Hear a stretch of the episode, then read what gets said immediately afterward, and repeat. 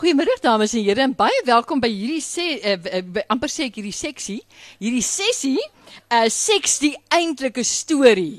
Ek dink dit ek sal graag wil hoor wat is die eintlike storie van seks.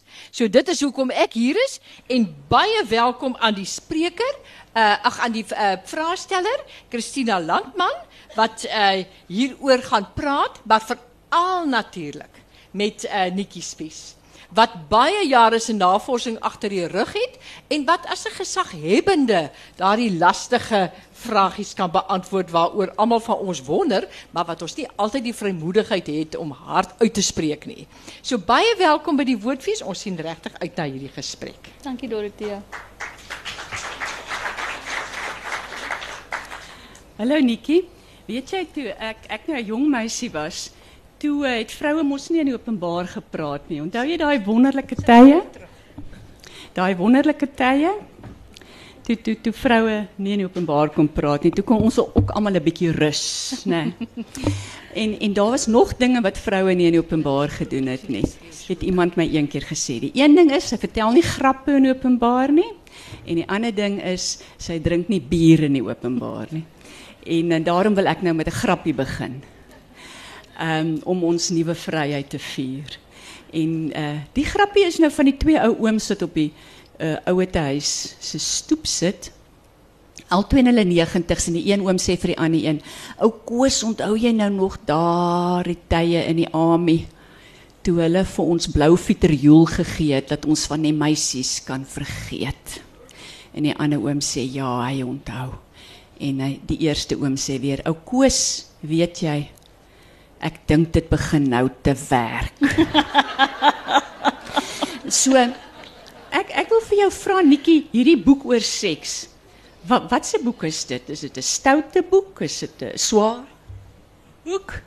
Uh wat wat wil jy met hierdie boek gemaak het? Christina, die boek het uitgevloei uit my um, navorsing vir my meesters in my doktorale studies.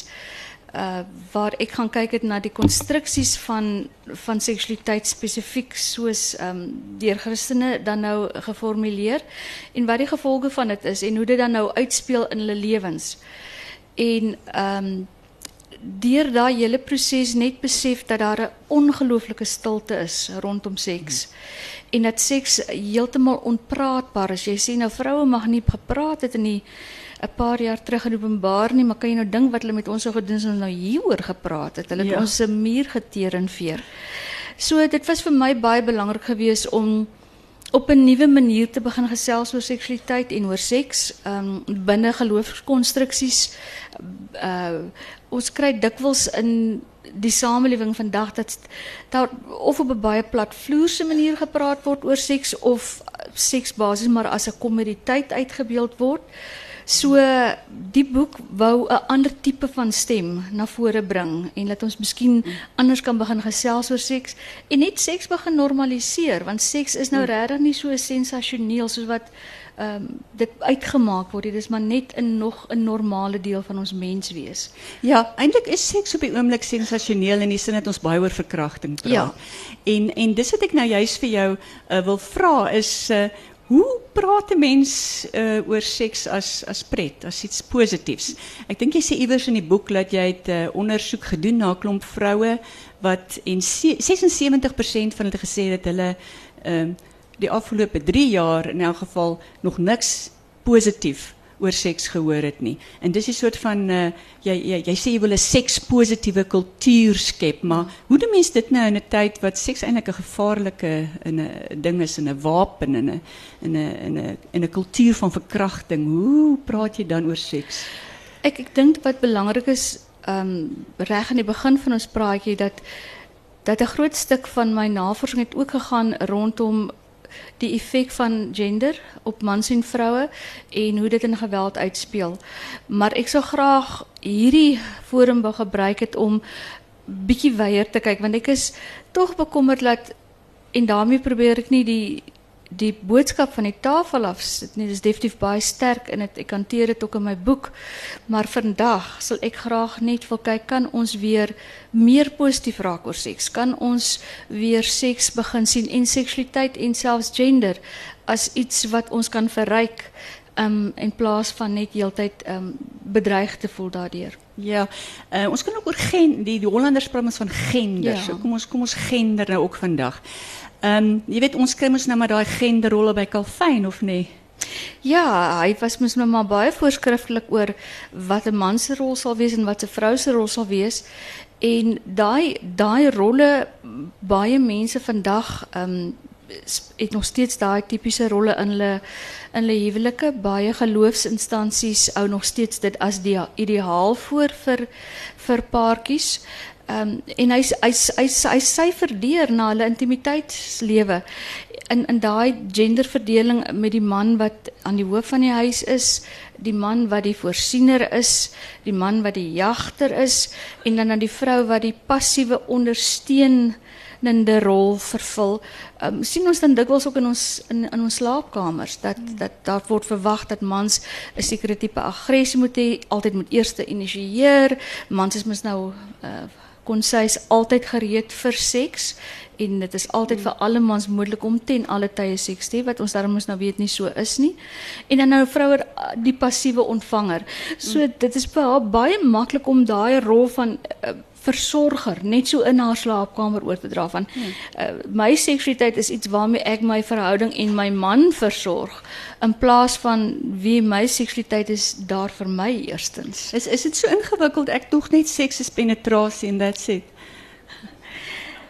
Ek sou uh dis 'n baie jeugtige dag wees as ons kan seks begin anders definieer as die penetrasie van 'n penis in 'n vagina.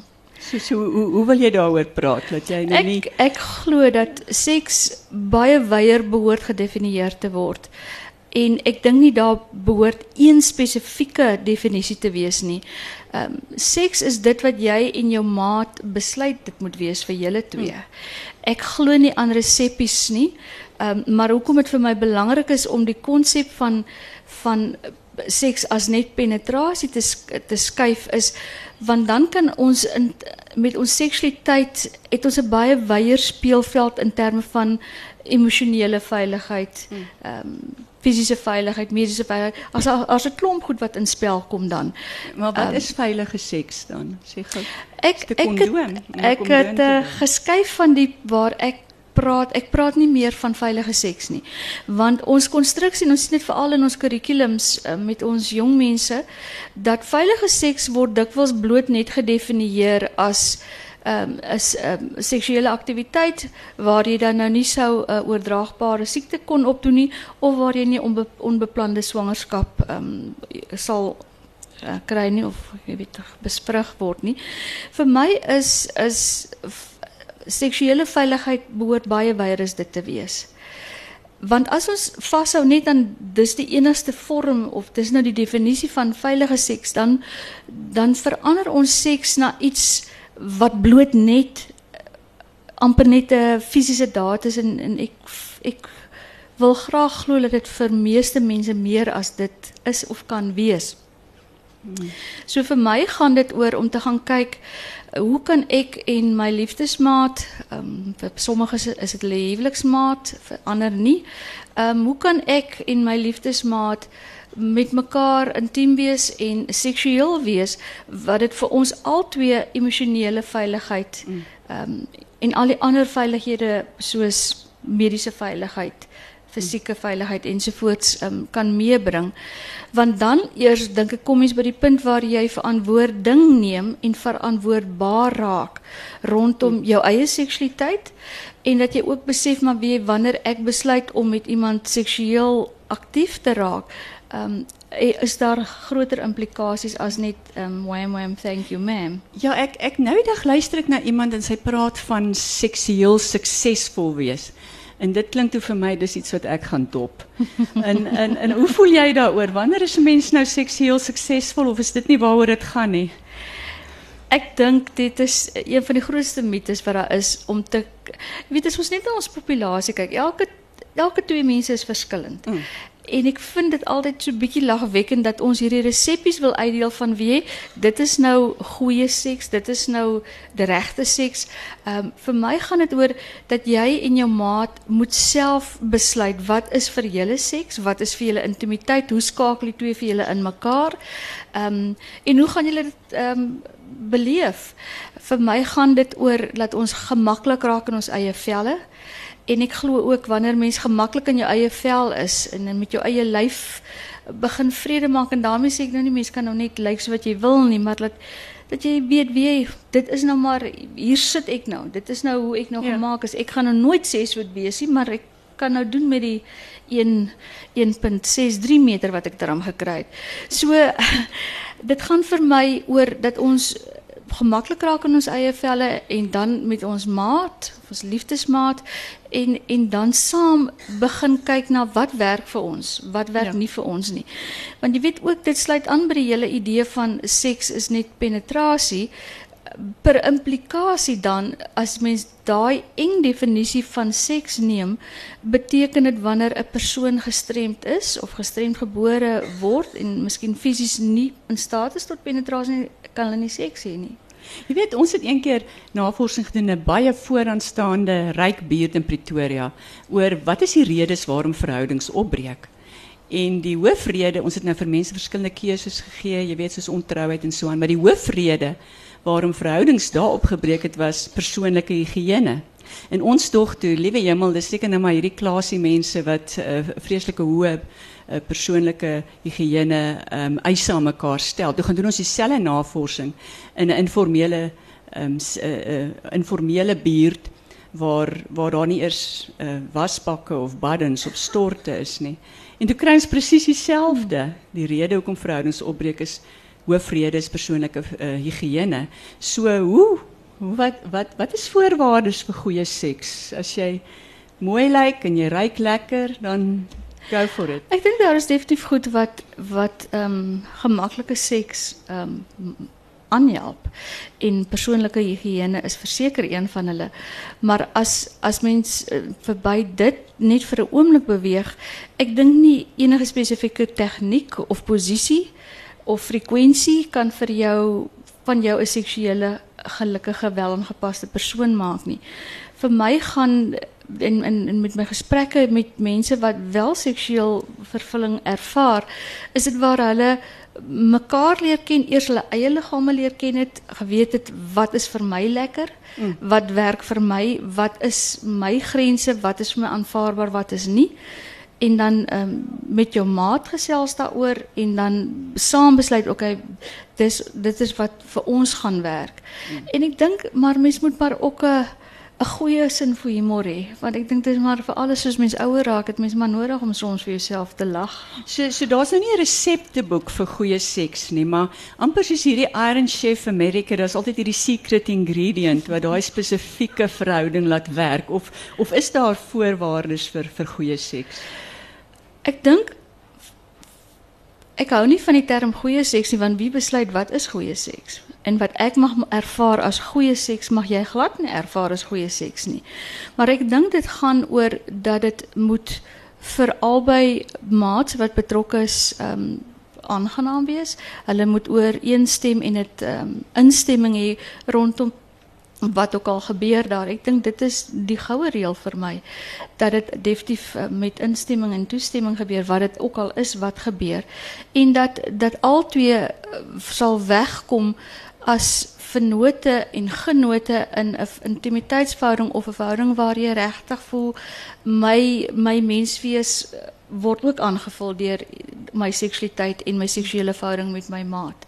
Erotiek, ehm Hierdie boek van jou gaan oor ehm um, jy weet daai wisselwerking tussen godsdiens en en seks en dit problematies is en dit bevrydend is, maar erotiek is dit 'n woord wat jy by die sonnaarskool geleer het? Nee. Ek het ehm ek het in 'n eh, kerk groot geword en selfs as 'n volwasse vrou waar waar daar eintlik nooit oor seks gepraat was nie. Die navorsing waarna jy vroeër verwys het, ek het 'n vraelys uitgestuur wat ek vir vroue gevra het in die laaste uh 3 jaar. Uh hoeveel positiewe sekspositiewe boodskappe het jy gekry tijdens een bijbelstudie of een kerkdienst of um, een of ander jy weet formele geloofs um, bijeenkomst. En, en dis toen nou waar ik haar presentatie so nee. Die, die deel van seksualiteit wat meestal deur geloofsinstansies vir mense voorgehou word is die een van agape liefde dat seks is 'n uitvloeisel van agape liefde met ander onvoorwaardelikheid en weer daai hele idee van ons dien mekaar met ons seksualiteit maar die erotiek wat 'n baie belangrike deel is van ons seksualiteit um, word nie deur die kerk sommer hanteer nie ek seker daar is daarom seker al en hopelik is daar al leraars wat wat wel so doen, maar ek dink as 'n reël, as ek luister na mense se ervarings is is dit nie iets waaroor gepraat word in ons maar, kerk. Maar wat van Hooglied? En Hooglied is nou daar onder die wysheidsliteratuur. Dis dis iets wat jy moet lees om jou wys te maak. En ek dink die rabbies het juist Hooglied gebruik om vir die jong manne uh, daardie tyd 3000 jaar gelede die kuns van die liefde te leer want dis 'n belangrike skill, dis 'n belangrike vaardigheid wat 'n mens moet leer. En hoekom het dit nou by ons verbygegaan? Dis tog deel van die Bybel is tog uh, deel van iets uh, van van 'n kuns wat ons moet leer om gelukkig te wees. 'n groot groot invloed wat by dit uh, bygedra het was dat mense liggaam en siel begin um, van mekaar skei het. En alles wat met die liggaam te doen gehad het kon dan nou vir jou nader tot God bring, sou dan nou as meer geestelik beskou word en en en en dit wat met of met die gees en dan dit wat met die liggaam uh, te doen het wat vir jou verwyder van God. Hmm. En en ek dink dit is waar 'n uh, groot deel van daai skeiding gekom het wat erotiek glad nie meer aanvaarbaar was nie. Dit was interessant. Ek het um, gaan navorsing doen oor hoekom baie hierdie hele ding van die ligte moet afwees. Ek kon hmm. daai nooit lekker verstaan nie. Toe gaan doen ek navorsing oor dit en dit was interessant. Daar was geglo dat ehm um, as jy dan nou seks het, moet dit dan nou net wees vir ehm um, vir voortplanting en as jy dan jou maat sou kon sien, sou dit jou gedagtes kon eh, betrek en dan raak dit sonde. So jy moes nie nooit jou maat kon sien en daaroor dink nie want dan was dit sonde. Ja, die hulle dis mos die ou grappie van die doppers uh, wat sê jy moenie jy mag nie voor huwelikse seks hê nie want dit lei tot dans. ja. Ehm um, weet jy nou, kom ons gaan van erotiek na ehm um, uh erotiek na pornografie. Nee, en ek dink jy dui in jou boek aan dat wanneer ons oor seks gepraat het of wanneer mans oor seks gepraat het, dan dan is dit nou maar dan was daar altyd die die uh al intertekst van die Playboy of die Scope en so en dan nou weer die ou grap. Ekskuus, julle ken nou al my grappies, maar hier kom hulle nou weer. En en van die oom uh die dokter wat vir die oom sê oom jy sal 'n Scope moet sluk laat ons kan sien wat gaan daar in jou maag aan en dan sê die oom nee dokter ek wat sal die dominee sê as ek 'n Scope moet sluk? Kan ek nie liewer 'n landbou weekblad sluk nie? um, die pornografie en hoe dit ons idee van seks beïnvloed het. Die groot verskil tussen pornografie en erotiek is dat pornografie uitsluitlik daarop gerig is om seksueel te prikkel. En in pornografiese materiaal word die persone wat daar daarin deelneem gewoonlik um, op 'n wyse uitgebeeld waar daar nooit regtig gelykwaardigheid is van mense wat deelneem nie. Daar is altyd 'n magswanbalans en daar's altyd 'n groot mate van eksploitasie betrokke. Erotiek daarenteen is is die sensuele en die seksuele deel van ons menswees wat 'n geweldige belangrike eh, komponent is van ons menswees. En dit is nie net ter sprake wanneer ons seksueel aktief is nie. Ons word gebore as seksuele wesens en ons gaan dood as seksuele wesens. En erotiek um, maak deel uit van ons reis deur hierdie lewe. En dit is daai deel van ons menswees wat jou laat voel dit is goed, dis lekker. Weet ek verduidelik baie keer vir van my paartjies as as 'n babatjie, ek weet nie baie van julle het miskien ook al dit um, ervaar met julle eie kinders of kleinkinders as hulle met 'n doekie speel, het baie keer mos nou so kom berge vir doekie en dan werk hulle mos daai daai labeltjie so. En baie sal hom net so op die wangetjie vryf en dit sal vreeslik rustig laat voel en voel alles is mooi in plek en ek kan maar rustig raak. Dis 'n erotiese oomblik. Mm so dit is nie erotiek is nie noodwendig soos ons dit sien dit is iets wat jou uh, gebonde laat voel, wat jou menswees aanvoel, wat wat vir jou genoegdoening mm. meebring. Ja, ehm um, kyk, uh mense kom nou na jou toe as 'n terapeut en hulle vertel van jou van hulle ellendige bedsake. Nou ek onthou toe ons nou ehm um, studente was in praktiese teologie het hulle vir ons gesê as dominee gaan jy 95% van jou pastorale werk is couple counselling. Wat sou dit in Afrikaans wees? Ehm beradings, ja, ja. Ja. En dit is inderdaad so, maar maar maar het mense vrymoedigheid om met jou oor hulle seksuele lewe te praat. Ek weet ek het nou die dag het uh, het ek het ek vrou gesien wat 54 is en sy's getroud met 'n man van 37. En daar's hulle het groot probleem en ons het oor alles gepraat en uiteindelik vra ek vir Maar hoe is dit met die seks? En o, heerlikheid. Weet want ek het nou gedog hierdie man is 37, die vrou 54. En toe sê toe sê sy maar O, oh, nee, die seks is verschrikkelijk. Het is te min, het is te vinnig. O, oh, lieve genade. Je weet, hoe zei die uh, een wat, wat, wat geen vervulling heeft? Nie. Uh, praat mensen, godsdienstige mensen, met jou in berading over seks? Of het ja, niks met jou te doen? Um, hulle, hulle kom gewoonlijk... meeste kom en sê, ons kan niet meer communiceren. Um, En dan vra ek altyd eh, want mense voel hulle het nie permissie om oor seks te praat nie. Hulle hulle mag nie oor seks praat nie. En ek sal dan altyd net vir hulle weet sê ek ek dis deel van um, hoe ek werk en as hulle in 'n permanente verhouding is, is gaan ek vir hulle vra rondom hulle intieme lewe vra en sal hulle gemaklik daarmee wees en dan gewoonlik kan jy die verligting sien dat ek dit nou aangeroer het, hulle hoef nou nie. En ehm um, dan sê ek van wat as ons praat oor kommunikasie, dan praat ons ook van lyfpraat want ons praat ook met ons lywe met mekaar.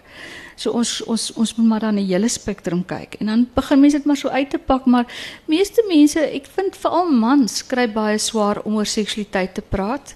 Ehm um, mans het 'n ongeweldige druk op hulle om op te leef na die idee van wat 'n ware man sal wees. Ehm um, hierdie macho man wat altyd gereed is.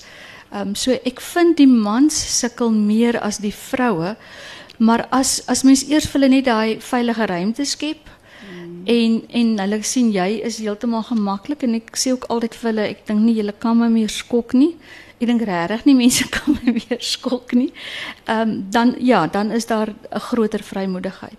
Goed, mense uh, is bang dat as hulle oor seks praat dan sal iemand dink hulle uh, hy hulle het 'n persoonlikheidsversteuring of so. So as mense nou daai ding uit die weg geruim het En in jou boek praat jy praat jy baie van die normalisering van seks. Wat wat bedoel jy daarmee? Ek dink seks is 'n absolute natuurlike normale deel van menswees. Mm. Ek dink dit is 'n wonderlike opbouende of dit kan. Ek weet in baie verhoudings is dit nie, maar ons praat vandag spesifiek oor die meer positiewe aspekte daarvan vir baie mense 'n wonderlike deel van hulle intieme verhouding wees. Ehm um, en en die media het seks regtig iets uh, sensasioneel gemaak. Jy weet jy kan ek um, persoonlik is nie lief daarvoor om tydskrifte te koop nie. Juist as gevolg van ek vind baie van die tydskrifte het redelike oppervlakkige artikels.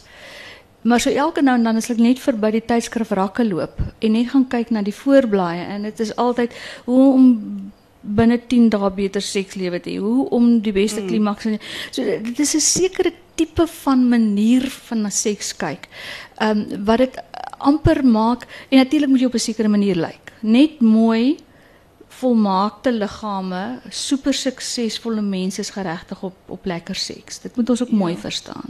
Ja, ja, ek ek wil nou juist vir jou vra, jy weet as as soos 'n nou tye man se voorgestel word as as as verkragters en kansvatters en men, en en en mense wat vroue gemisbruik en net as kommoditeit hanteer. Dan vergeet 'n mens mens kyk partykeer mis dat mans se pyn.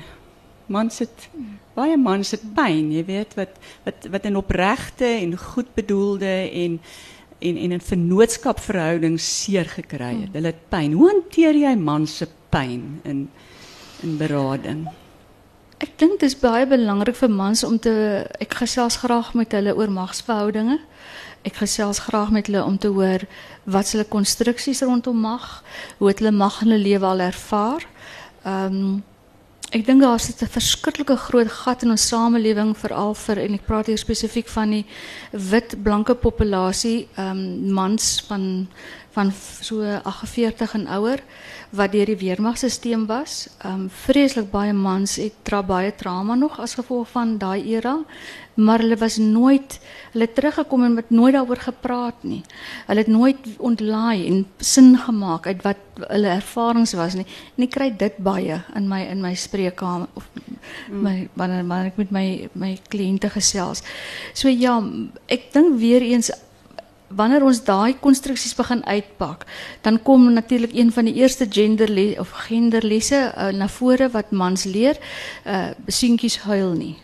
En dan pak ek dit nou maar met hulle uit. Jy weet, is dit dan nou minder seer vir 'n seentjie as hy nou sy toonstamp is vir 'n dogtertjie? En hoekom mag hy nou nie huil nie? Wat gebeur as mens nooit aan jouself kan sê maar wie ek is nou ongelukkig of ek is nou teleurgesteld of ek is nou die Helen of wat ook al. En um, dan begin hulle emosie was asof mans amper vervreem raak van hulle emosionele belewing want dit is nie mm. toelaatbaar nie. Ja. En wanneer mens dan vir hulle ruimte skep om te sê wie jy um, kom ons kyk net hoe lyk hoe lyk van hierdie goed in jou lewe en hoe hoe sit jy sin daar? Watter mm. betekenis hou dit vir jou in? Maar nog belangriker, hoe speel dit uit? In jou verhouding met jouself, met ander, met jou vrou, met jou kinders, met jou kollegas, dan praat hulle graag. Ja, jy weet hierdie hierdie goed is nie so eenvoudig so wit en wit en swart nie, want ehm um, jy weet as gevolg van ons genderrolle gebruik vroue ook maar baie ehm um, covid power, bedekte mag. Ja. Jy weet soos as hulle voel hulle het nie gelyke mag in 'n verhouding nie. En, en die Amerikaners het nou ook bewys dat uh, wanneer 'n man en 'n vrou gelyke mag in 'n verhouding het, dan is dit 'n gelukkige verhouding. Ehm um, maar hulle gebruik ook uh, bedekte mag soos om swanger te word of om uh liefde te weerhou of om uh jy weet al die al die al die speletjies wat ons vroue speel. Um, maar jy praat baie in die boek oor vennootskap en uh, goeie gesonde verhoudings. Uh ja, hoe lyk 'n vennootskap en is dit nou seksie of is dit is, is juist daai ding van hierdie man wat jou gaan oorrompel is dit juist wat jou na hom toe aantrek? Ek dink um, die man wat jou kan oorrompel kan deel wees van julle seksteks is vir julle om te besluit. Maar vir my gaan vennootskap rondom dat ons vir mekaar die ruimte gee om verskillend van mekaar te wees om dinge verskillend te sien, maar steeds respek het vir mekaar en mekaar se sienings en mekaar se mens wees. Ehm um, daar's mos maar ook 'n mite dat wanneer jy trou moet hierdie een persoon in absoluut al jou behoeftes ehm um, voldoen en dit is mos maar nou 'n onbegonne taak. Jy, jy kan mos nou nooit in een persoon se alle behoeftes voorsien nie. So dit gaan oor daai ruimte laat vir mekaar en en ek dink 'n groot stuk van wees verantwoordbaar teenoor mekaar.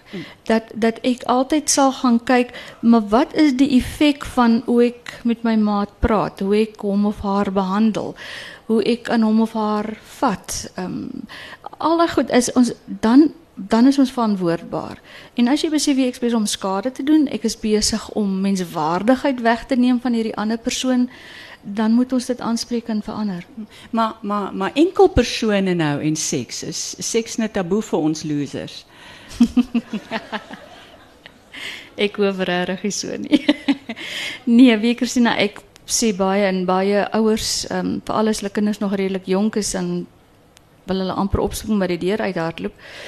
Is vir my geweldig belangrik dat dat ons eers onsself ontdek seksueel as enkellopende persoon en dat jou eerste seksuele ervaring en ontwaking en groei met jouself sal plaasvind. Mm. Dat jy eers regtig jouself sal leer ken en daai proses as jy dan nou as jong persoon enkel is of as ouer persoon ehm um, miskien nooit getroud of geskei is of of um, jou jou uh, huweliksmaat of lewensmaat dan nou in die dood afgestaan het dat daai deel jy nog steeds jouself kan seksueel koester.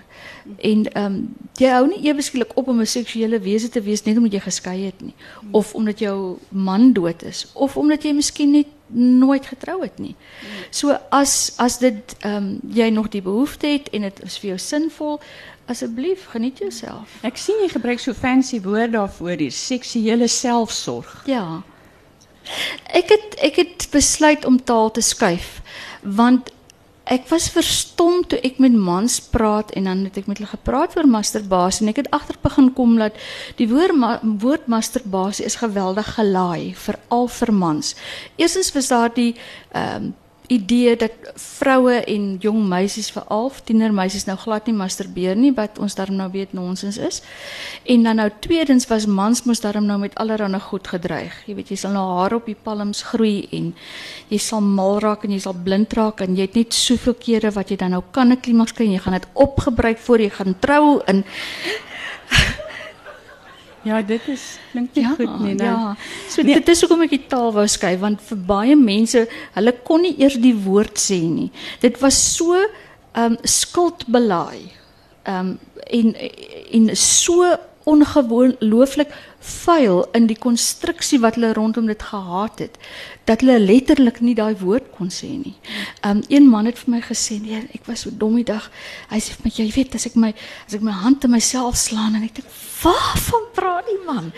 En ek sit te kyk op so hy sê en dan en dan en dan gaan hy hare op op my hande begin groei en ek kyk so na sy hande en hy is harerig en ek sê vir my maar daar is haar op jou. En hy sê nee in die binnekant in die binnekant nee maar maar um, weet jy ons het een keer skus het ek nou my my navorsing hier noem uh, met 'n hele groep mans het oor die 200 mans wat wat nie noodwendig na Afrikaanse mans was nie uh, gevra um, wat dink hulle van sekere aspekte wat dan nou HIV infeksie sou verminder? Soos wat dink jy van kondoom dra um, wat dink jy van um, uh, uh, besnydenis en so aan? En een vraag wat ons toe vra is uh, wat dink jy van masturbasie? Omdat dit ook 'n manier sou wees om om jouself teen HIV infeksie te beskerm. En soos 100% ek bedoel nie eers 99% nie soos 100% het die mans ontken dat hulle dit doen.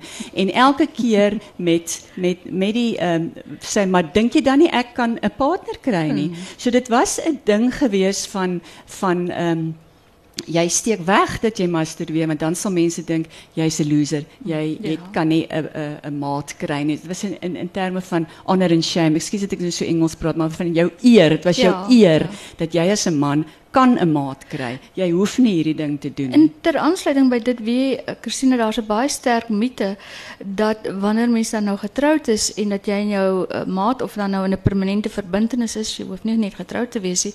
As jy seksueel aktief is dan ewe skielik ehm um, gaan jy nooit weer eh, behoefte aan seksuele selfsorg want julle libido gaan dan nou presies dieselfde wees. Ja. En julle dae gaan mos nou presies dieselfde lyk en ons gaan altyd elke keer op presies dieselfde dag 'n behoefte hê aan aan 'n spesifieke manier van kommunikeer. En ons ons navorsing het dit oor en oor bewys dis dis bloot eenvoudig nie waar nie. En dit is wat ek weer die hele konsep van seksuele veiligheid weer wil intrek. Kom ons kyk na um, ek sien baie mense in hulle middeljare. Die grootste onreg dink ek wat in rondom seksualiteit gedoen word of gedoen was in die laaste dekade was om mans se verouderingsproses te ontken mm. of te ignoreer. En nou sit baie mans en vroue met die idee dat wie my man van 50, 54, 60 wat ook al gaan presies op dieselfde manier kan funksioneer seksueel as toe hy 20 was. Dis bloot net eenvoudig nie moontlik nie behalwe as hy Superman is. So nou is daar hierdie verwagting en ongelooflike druk. Nou is die man nie meer ehm um, miskien of hy het hartvaskiekte of diabetes of wat dit ook al is, maar nou kan hy nie meer so gereeld e-, sy ereksies kry as voorheen nie. Hy het nie dieselfde hartheid as voorheen nie. Hy kan miskien nie die ereksie gebruik of volhou nie. Nou al is hierdie koppel nou 30 jaar getroud en dit is nou nog steeds sy vrou se verwagting is dit 'n baie seksueel onveilige spasie vir daai man want sy hele konstruksie van wie hy veronderstel is ja. om as man te wees is besig om uitmekaar uit te val en dan raak daai huweliksbed of liefdesbed 'n mynveld glo vir my. Ja. Kyk, ehm um, uh, hulle praat ons van die manlike penopause. Jy dink jy noem dit die andropause. Die andropause, ja. En en dis 'n tyd wanneer die man sy ehm um, seksuele vertoning neem af, maar sy behoefte aan erkenning van vroue neem toe. Mm. Nou hoe haar Hoe help ons nou die arme manne in daai tyd? Dis Is dis soos waar. in, jy weet in in die Bybel, daar staan in die Bybel, ek net jy ekskuus ek jou in die rede val, van toe toe Dawid in sy penopause was, toe hulle vir 'n baie jong meisie daar gaan uithaal uh, iewers. Uh, is dit wat ons moet doen? Ek sal nou nie van daai inval nie. Wie ek dink dit is belangrik om te bly lees en te bly kommunikeer oor ons seksuele verwagtinge, oor seksuele praktyke wat vir ons werk, wat vir ons nie werk nie. En ek dink dit is belangrik dat mans en vroue self verwittig van van die hele lewenssiekte uh, siklus uh, rondom seksualiteit. Jy weet, um, en as ons die nodige inligting inwin, sal beide mans en vroue agterkom wie jy mans is hulle testosteroon vlak um, minder is as 50% van 'n sekere uh, afsnypunt is hulle in andropos en gaan hulle meer voorspel nodig hê net soos vroue. Hulle gaan addisionele stimulasie nodig hê, miskien baie meer direkte stimulasie nodig hê. En dan moet ons gesels. Jy weet ek is vir my altyd so ongelooflik as ek vir mense vra, um, hoe gereeld gesels julle oor oor seks en oor wat julle wil hê en wat vir jou werk en wat nie vir jou werk nie. Dan kyk hulle my aan of ek mal is. Dis net maar mense praat oor die goedie. Dan sê ek maar julle julle is 40 jaar saam. Ek het nou dag ek ehm um, uh, oom en tannie gehad by my. Hulle is hulle is meer as hulle is meer as 40 jaar saam gewees en en hulle sê vir my jy praat oor die goed. Ek sê nou wil julle nou maar so aankar. Nee nee, maar dis nou nie meer lekker. Ek sê nou nou hoe nou? O nee maar hulle weet nou. Ek sê maar kom ons gesels nou hieroor. En dan as jy daai mense daai toestemming gee, weet ons kan maar hieroor praat. Ek verwerp jou nie skielik as my maat as ek vir jou sê oor hierdie ding werk nie meer so lekker vir my nie. Ehm um, dis 'n uitnodiging van kom kom ons kyk wat kan ons anders doen of aanpas of weet en selfs hulpmiddels nodig, ehm um, lubrikasie, ons weet wat die ou verouderingsproses doen, dan dan kan ons mense begin help. Ja, maar as as die man nou al 'n bietjie op die grondpad is en die tannie is nou ook nie meer lus nie. Uh, is hulle dan nou maar in die woestyn in in in in dis nou maar dit. Wat doen jy dan? Wie Christina, dit gaan weer rondom daai hele konstruksie van wat is seks en wat is intimiteit. En dan sal ek hulle vra, weet, wat is dit wat jy nog aan behoefte het? En dan kom seksuele selfsorg of wat ek ook noem saamsorg wanneer ons saam met ons maats um, seksuele uh, selfsorg toepas of op mekaar uh, gesamentlike uh, self um, saamsorg toepas, dan dan begin daai goed in plek te kom, jy weet. En natuurlik ook so met mense wat gestremd is.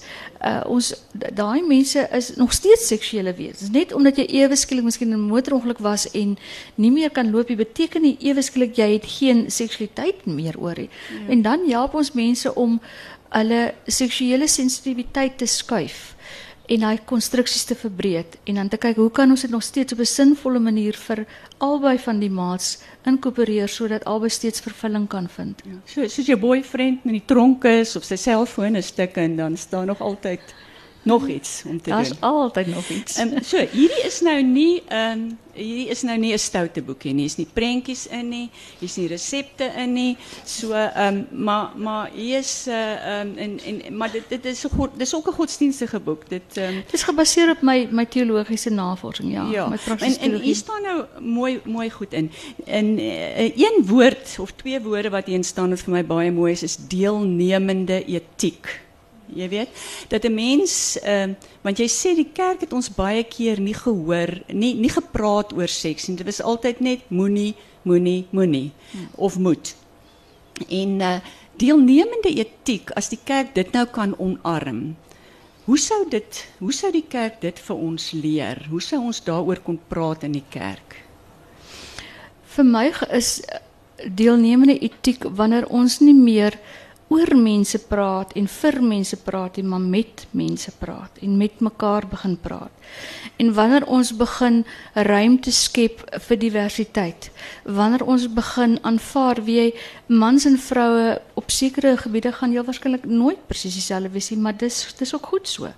Maar daar's plek vir albei se storielyne en daai storielyne kan wonderlik aanvullend tot mekaar wees. En die man se storie is nie noodwendig belangriker of beter as die vrou se nie, ook, ook nie andersom nie. Ehm um, maar vir my die hele sleutel van deelnemende etiek is dat ek moet deurlopend vir myself vra maar ook die mense om my, wat is die effek van hoe ek mens is en mens wees teenoor julle? Oh. Ehm um, is baie maklik om my vraag self te beantwoord. Dis moeiliker as iemand naby jou dit vir jou vir um, met jou bespreek. En dan hoor jy soms dat miskien is die manier hoe jy dinge doen nie so opbouend nie. Dit doen skade, dit maak seer, dit breek af. En dan is dit my verantwoordelikheid om om die nodige aanpassings te maak. Jy jy praat ook baie lekker in hierdie boek. Ek gaan nou vir die mense vra of hulle wil vra vra. Ehm um, jy praat ook baie lekker in hierdie boek van ehm um, jy weet alternatiewe. Is ons ons hoef nie nou nog so so treurig oor oor ons treurige verlede met seks te voel nie. En en hoe die sendelinge vir ons kom vertel het om dit te doen nie. Ons kan nou en een van die dinge wat jy voorstel is gewoon dat ons die stilte moet verbreek. Nou gaan meer praat uh, beter seks veroorsaak? Huh? Ek dink nogal so, want hoe hoe gaan ons mekaar tegemoet kom en mekaar se behoeftes akkommodeer as ons nie weer eers weet wat dit is nie. So ek dink dit is 'n baie belangrike beginpunt. En en net met jouself ook gesprek te hê. Wat verstaan ek is seks? Maar maar sit seks in die kognitiewe dele van jou brein. Ek dink dit sit oral. Ek dink nie jy kan seks sê okay, daar sit of daar sit nie. Ek weet dit sit nie net in jou broek nie. Voel dit voel dit nie lekkerder as wat dit praat nie. Dis maar wat ek wil weet. Wie 'n uh, 'n gesprek oor ons behoeftes kan nogal baie lekker gevolge hê. Ah, Ah. okay, wat sal ek nou weet? Hoorie, ek wonder of daar mense is wat vra wil vra. Ons moet dit eers, miskien eers uh, keur. Van hier af kan ons julle glad nie sien nie. So ons ons wag maar vir 'n geluidjie daar. Dankie. Die gesprek vanmiddag was vir my 'n baie gemaklike gesprek, maar is 'n gesprek binne verhoudings, volwasse verhoudings. My vraag wat ek wil vra is as ons by die tieners kom en hulle leef in hierdie hele atmosfeer van oorbeklemtoning van die seksdeel van die lewe, wat moet ons standpunt wees? Hoe moet ons die tieners hanteer in verband met hulle seksuele verhoudings? Ek kry dikwels um tieners wat met my kom gesels wat eh, dit moontlik oorweeg om seksueel aktief te raak en dan kom vra hulle nou vir my mag hulle of nou mag nie. En my antwoord is altyd hulle weet ek dink nie enigiemand kan vir jou sê jy mag of mag nie. Net jouself kan jou toestemming vir jouself gee om seksueel aktief te raak of hopelik is dit sodat want die hartseer is ook dat 'n oorgrootste meerderheid van jong tienermeisies se eerste seksuele ervaring um, is gedwonge. Uh, het sy dit um, fisies was, weet uh, met geweld of dan nou met manipulasie. Maar ek ek gesels altyd met hulle rondom wat ek vroeër gepraat het oor die seksuele veiligheid.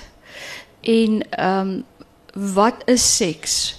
Um, is dit net penetrasie? Is dit meer as dit? Um, hoe hou ek myself emosioneel, intellektueel, al die ander aspekte van menswees veilig en is ek gereed om verantwoording te vat vir iemand anders want ons weet nie hoe iemand anders gaan reageer op 'n seksuele verhouding nie.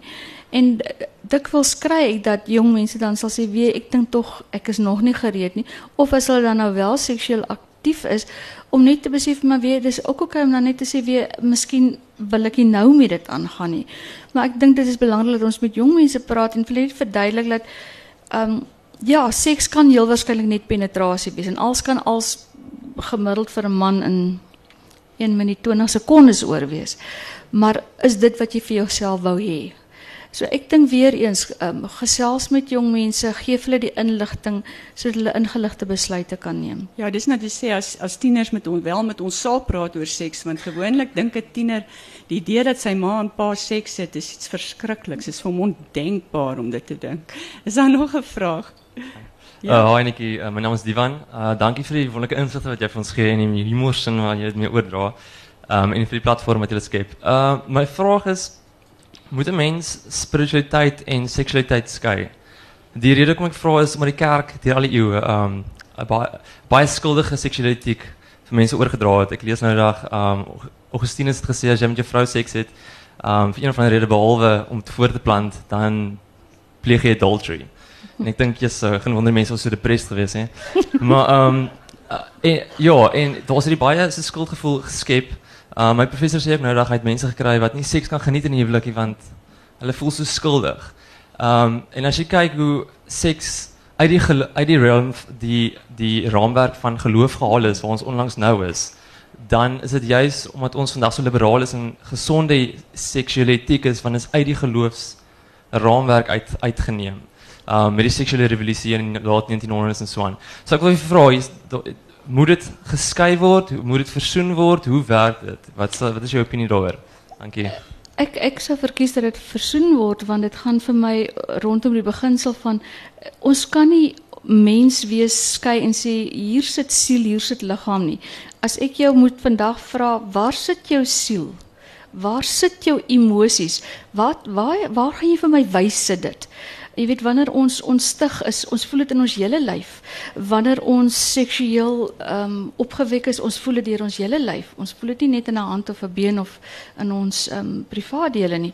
So ek vir my kan jy nie die twee s- skei nie. daarmee sê ek nie noodwendig dat seks hierdie vreeslike gelowige daad moet wees nie, maar ek dink daar is 'n stuk van spiritualiteit van ons eie gees wat betrokke um, kan wees en, en in my opinie behoort te wees want ek wil graag hê dat wanneer ek seksueel aktief is dat ek nie net met my lyf daar lê nie maar dat my gees ook sal deelneem en vervulling sal kry.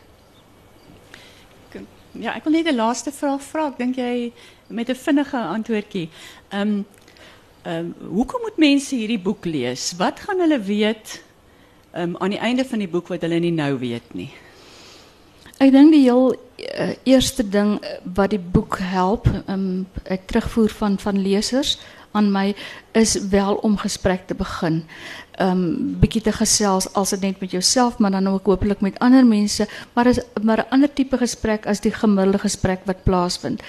En dan tweedens is dit vir my belangrik dat ons sal bewus raak van die konstruksies wat ons het rondom seks en seksualiteit en gender in die boek verduidelik ek ook waar dit vandaan kom veral vanuit geloofsperspektiewe en dan eh, gee ek eh, idees rondom hoe om dit as jy sou te verander en te skuif. So dit is die boek is het ten doel om 'n spieël te wees vir dit wat ek glo rondom seks en seksualiteit en dan miskien aanpassings te maak as dit nie vir my werk nie.